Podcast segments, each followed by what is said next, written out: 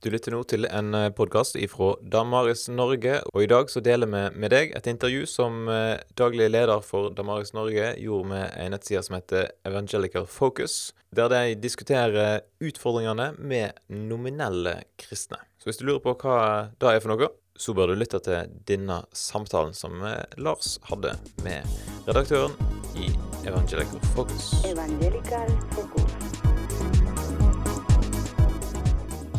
Welcome to Evangelical Focus. My name is Joel Forster, and today we're going to talk about nominal Christianity, or in other words, the millions of people who call themselves Christians but are in practice not living this Christian faith out in their day to day life. The Lausanne movement organized in March a global consultation in Rome, in Italy, on this specific issue. And we have with us today Lars Dahl, a member of the steering committee of this global consultation on nominal Christianity. Welcome, Lars. Thanks a lot, Joel. It's a pleasure to be with you here. Thank you very much. We want to ask you about, about this consultation, and uh, this was this five day gathering of the Lausanne movement um, with 45 experts from different parts in the world. How did the discussions go? Well, it was uh, uh, ten, some intensive five days, and maybe a, a few words of, of background and context might help.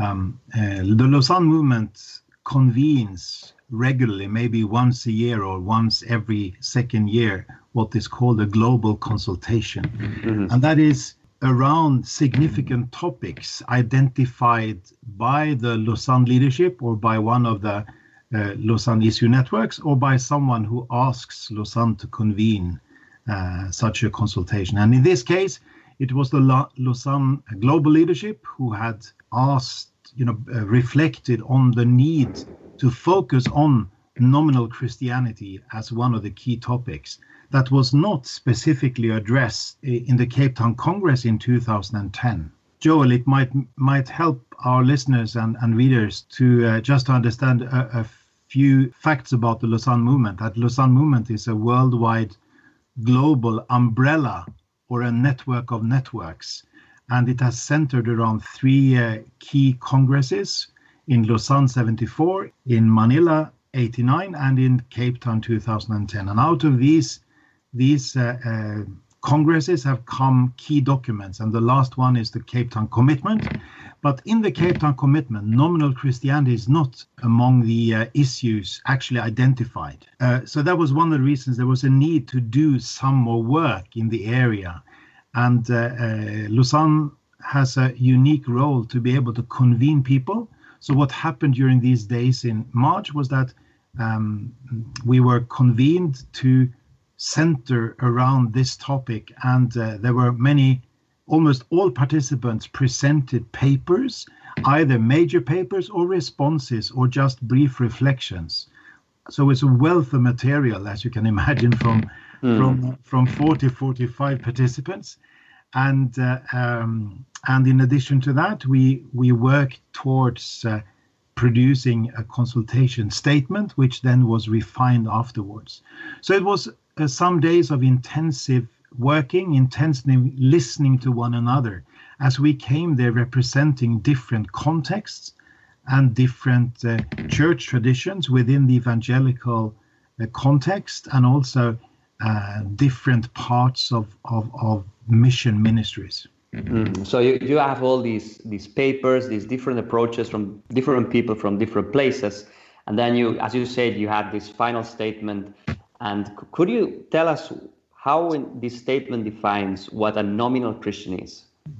Yes, and that was actually not as easy as it, it might uh, sound uh, to define that because it's you know it was a growing understanding among all of us. I think that this is a very complex reality and we want to be fair in how we represent other people mm. and we also want to be be realistic about that this is not just about everyone else but also about our own church traditions within the evangelical context and even if i may add also something with a personal challenging dimension to to what extent do i and each one of us uh, have an authentic life living out the gospel and the close to Christ. Yes. So with all those kind of um, reflections, I think that we we had together, the the statement expresses it as the, what is a nominal Christian? What it can be described as follows it says, people who de- identify with the Christian church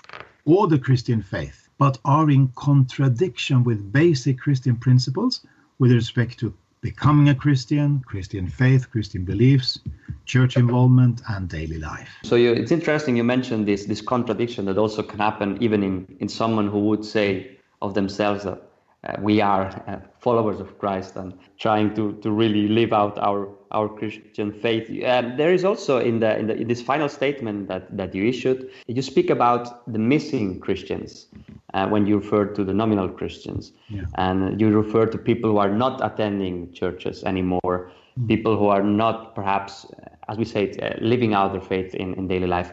Um, and if they're missing, where are, where have they gone? Oh, that's a very good question, and, and I'm not sure that we we know the full comprehensive answer to that. But I think what we are experiencing, not the least in, in, in Europe, I think, and not the least in Western Europe, where, where I'm situated, you know, uh, is is the fact of privatization. Faith becomes a private matter, so it's uh, less of an ident of a public identification with a um, you know, uh, uh, with a local church or with with a definite statement of faith. So so people lose their connection to the to the vibrant life in a church, for example. Mm-hmm. So I think many people have been privatized in their faith, and the other side is is all of us are challenged. You know, to what extent do we live close to Christ? Are we moving towards Christ or away from Christ in our personal lives? So that was actually quite a quite a strong sense of the need to live, you know, uh, close to Christ in our daily walk, and not just to talk about the others, but also be aware of of, of the dangers for each one of us. But I, I think to answer your question, many people have privatized their faith, not the least in, in, in the in the European context there is also um, in the document you talk about um, this nominal Christianity, the fact of privatizing our faith, has led to a negative reputation, and I'm quoting the document, negative reputation of the Christian church, including such demanding realities as secularization, moral confusion, racism, colonialism, and prosperity theology. So there's a range uh, of negative and consequences of this um, privatization of the faith of this normal Christianity. Could you give some examples of this, um, for instance, in Europe in the present or from history? Thanks for inviting to that, Joel. I think what we realized was that if the name Christianity is attached to something, it mm. has sort of, you know, it has become associated with Christianity. For example, thinking in terms of colonialism, the Western colonial powers mm. conquering the world in the name of Christianity.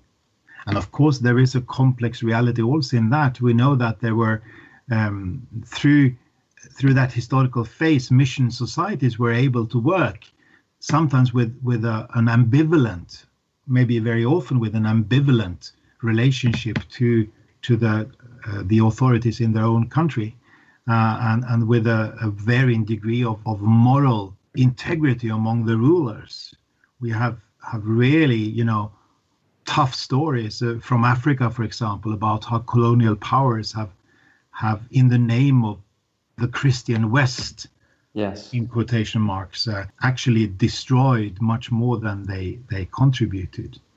And of course, another aspect would be moral confusion of today you know that we, we we also wanted to be realistic about the fact that in, in the name of the christian church there is a lot of confusion going on. In, in terms of for example morality uh, one area will, obvious area would be sexual morality. The move away from from a, a, a truly biblical a holistic biblical understanding of sexuality is very clear in in, in many churches. Mm-hmm. and of course that has legitimized in many people's eyes uh, new views on on sexuality, for example, uh, because okay, the church is behind it, at least some some parts of the church, and then we also mentioned prosperity theology, which is really one of the, the, the most challenging aspects in the global south at the moment for, for the evangelical church. There are so many local, regional churches uh, uh, booming, you know, emerging and, and really flourishing, promising heaven on earth, as it were, and uh, uh, with a, a real lack of, um, you know, to use the, the Cape Town commitment expression, uh, humility, a lack of integrity, and a lack of simplicity. So this this really affects how also society uh, sees uh, Christianity, and there is a Lars, there is a recent report uh, that points actually to the massive fall in the last 10 years of nominal Christianity in Europe, of those people who identify as Christians. Will we come to a moment, do you think, that this fall of, of Christendom as a culture uh, will uh, take us to the point where we will not have any nominal Christians anymore, meaning that all those who define themselves as Christians are really committed Christians, and people who are not committed Christians would not define themselves as Christians?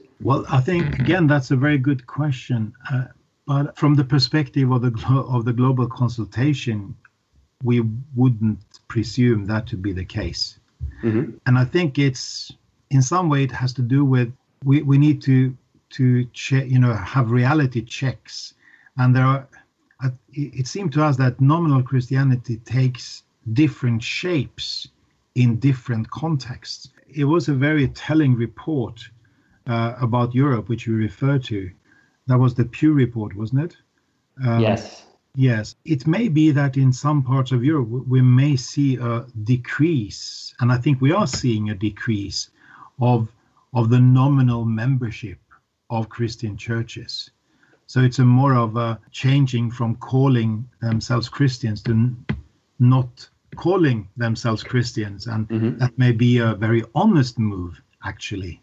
Um, so, so in some ways we may welcome that, but I think in other parts of the world, uh, think of, of, of a country where I've been visiting regularly um, recently, recent three years, three, four years, is the country of Uganda with, with uh, you know, 40 million uh, people and, and an evangelical church, a vibrant evangelical Anglican church with 10 million members Mm. and and if we if one speaks with the leaders of that church they would definitely say that nomin, nominal christianity is a challenge for them in so many ways um, whether in terms of, of personal faith or not among the members or in terms of uh, you know living out the faith or in terms of of, of actually um, speaking out witnessing uh, about the faith. Or another country could be uh, Ethiopia, where we recently visited and, and, and was was invited to serve the uh, with the youth and children department of, of the Mekane Church, which is one of which is the fastest growing Lutheran church in the world. Well, that doesn't say much when you think of some, some of the other Lutheran churches, I'm afraid. uh, But but still, it's it's uh, you know they have they're now maybe eight and a half or nine million members, and and they have grown with almost half a million uh, a year. The last, uh, so it's an enormous growth, and they, it's exploding. But of course, among all those being added to the church, one has to be realistic. How much do they know about the Christian faith? And if they are not nurtured, where where will they go? You know, how will they develop? So, so the, the fact of, of leadership training, the fact of raising up a new generation of preachers, uh, uh, youth ministers, children workers, um, you know, is absolutely crucial in such a context. So, so I think nominal Christianity is something that seems to be following the church like a shadow, and the shadow might be large or small, depending on where where the sun stands, you know, in, in relationship to to the church, uh, if we may use that as illustration. So, so that's that's really interesting because then, if, if do you think if we compare regions in the world, you would have different trends in in nominal Christianity? Yes, I, I think that's true, and I think that was something we we all of us realized, and you know, one of the glories, one of the privileges of, of being part of the Lausanne movement is is being exposed to the global realities of the church the whole time. We had a, a good representation from all over the world in our consultation. That, that is intentional. And we also listened into some other stories, people who could not be present. So listening to one another leads to a more genuine understanding of the differences in contexts. So let's let's think a bit about the the countries where there could be a Protestant majority it, historically, traditionally. So, so some in, in countries in of the south of Europe, for instance, that have a Catholic majority, or in the East that would have a more Orthodox majority, they easily see, thinking of evangelical Christians, they easily see that there are many people in society who call themselves Christians, but only do so out of tradition. But it sometimes it's more difficult, as you mentioned before, to realize. So that, that that's also a problem of nominal Christianity among a Protestant context or even a more uh, evangelical context. So can you give us mm-hmm. an example of this in European countries and how how this happens in every Christian tradition? Mm-hmm. Well, I think uh, uh, you know uh, if you think of the national level in the northwest of Europe, yes, there was uh, has been a you know where, which is my own region, mm-hmm. living in Norway, coming from Sweden. Mm-hmm. Um, and and uh, of course the you know the since the reformation touched the whole of society and and influenced the whole of the culture in so many ways.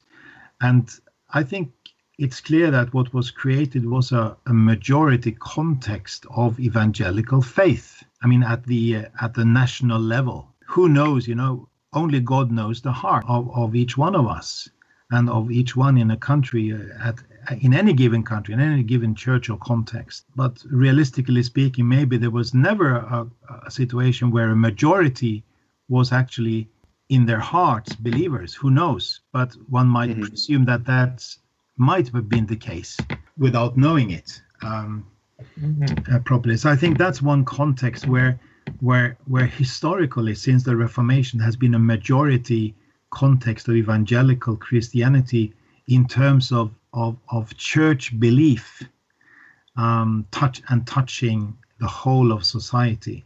So that would be true for the Scandinavian countries, for Germany, for the Netherlands, and for England, I think, especially, or the United Kingdom.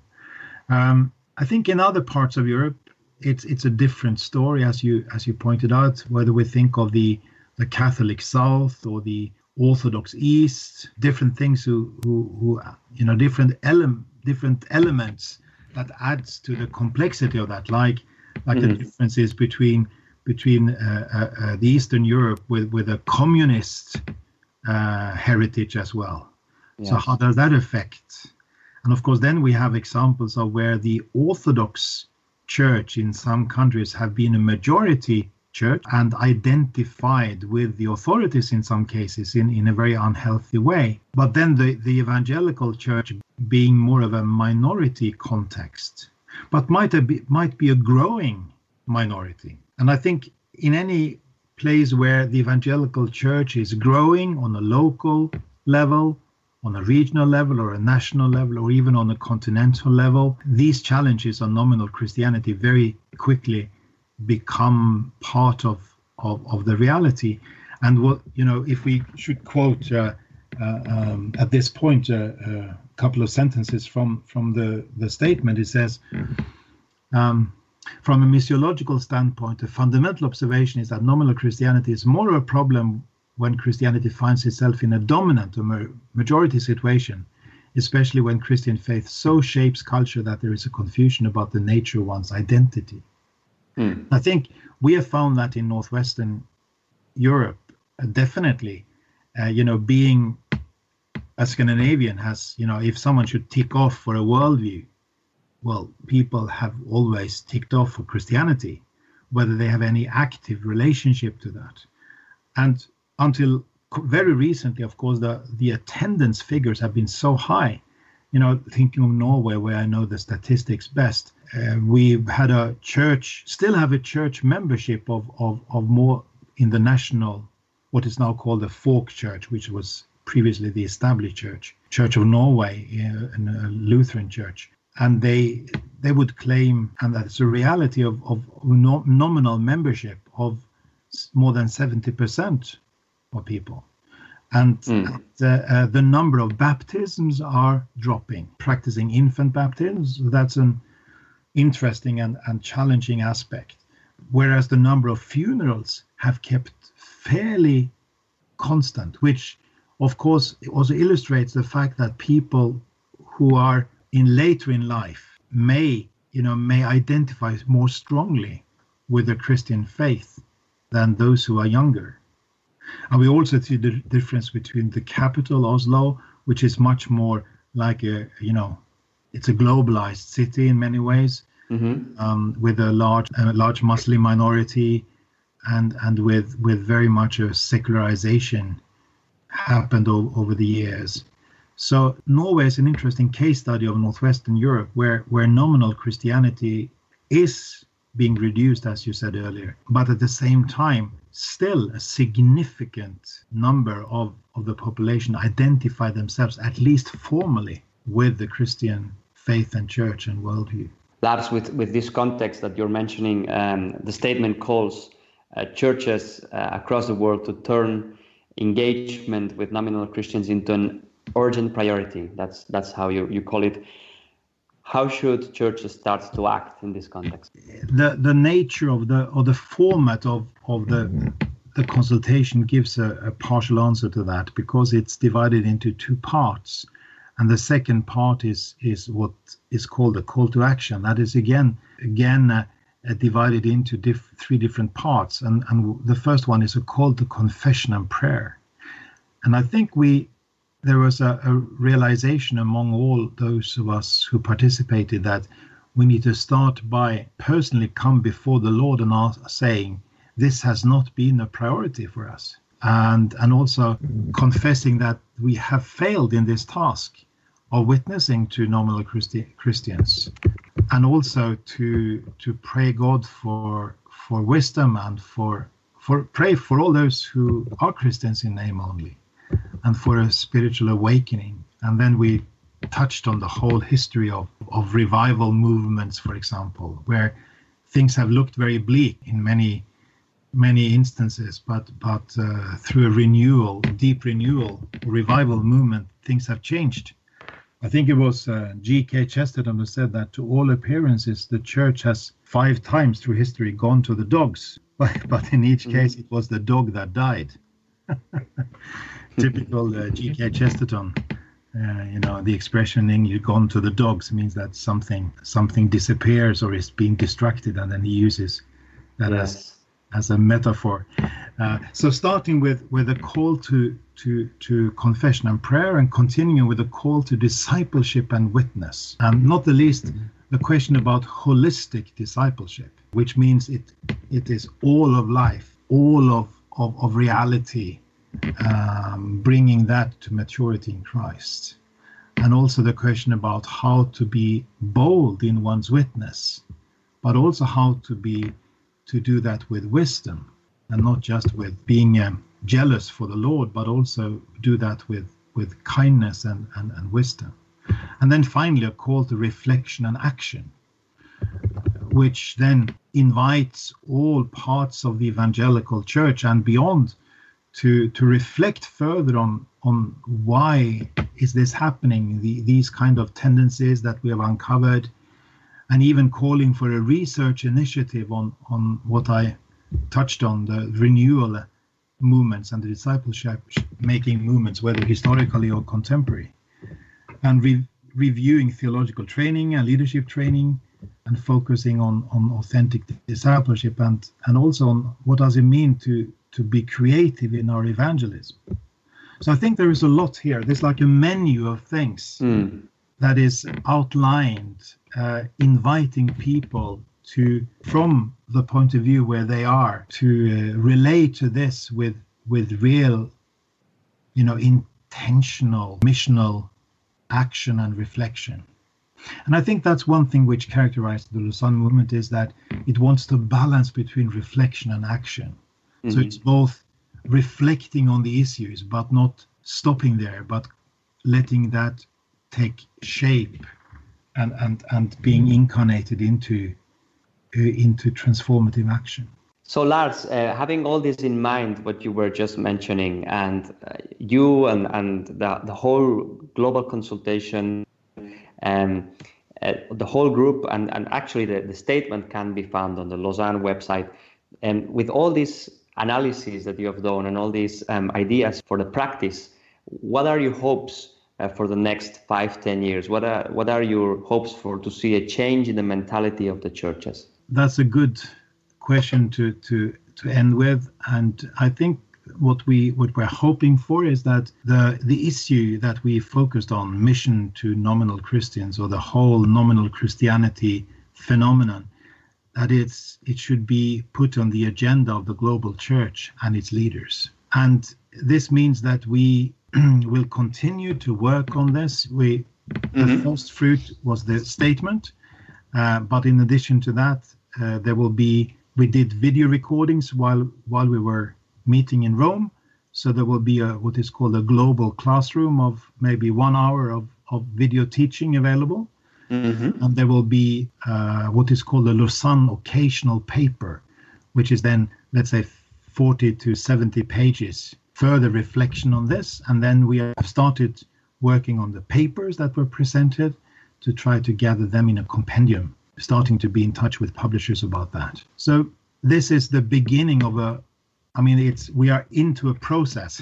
Yeah, done a process. So we hope that this mm. will, all of us who participated will will now contribute to making this known in in each context. Like we are talking here in the European context with evangelical focus, and that is also going to happen in other contexts. We have will have translations of the statement uh, that will happen, I think, in in later this year. And uh, our hope is then, you know, something which we really expressed in the beginning of the statement. And we, towards the end of the statement, the word missing came up as capturing uh, in different senses the central meaning and significance of the consultation. But basically, it has to do with are we moving towards Christ or away from Christ? Are we living out the faith of Christ or are we keeping it to ourselves? Are we um, authentically seeking to live under the grace of God with the gospel as a true living reality in our lives. And I think that's where, where the consultation statement leaves us with a, a real, real um, vibrant challenge, which we need to, to reflect on and to pray about, and hopefully to live out, each one of us, where we are in our own contexts. Thank you very much, Lars, and thank you uh, for this also this this call to action and and this on this massive issue for the church uh, around the world, but also in in each one of our local churches in our own cities and and towns. And thank you for for spending time with us, Lars, and giving us some more insight about this consultation. And we will uh, at Evangelical Focus keep um, informing about about this issue uh, in the next months.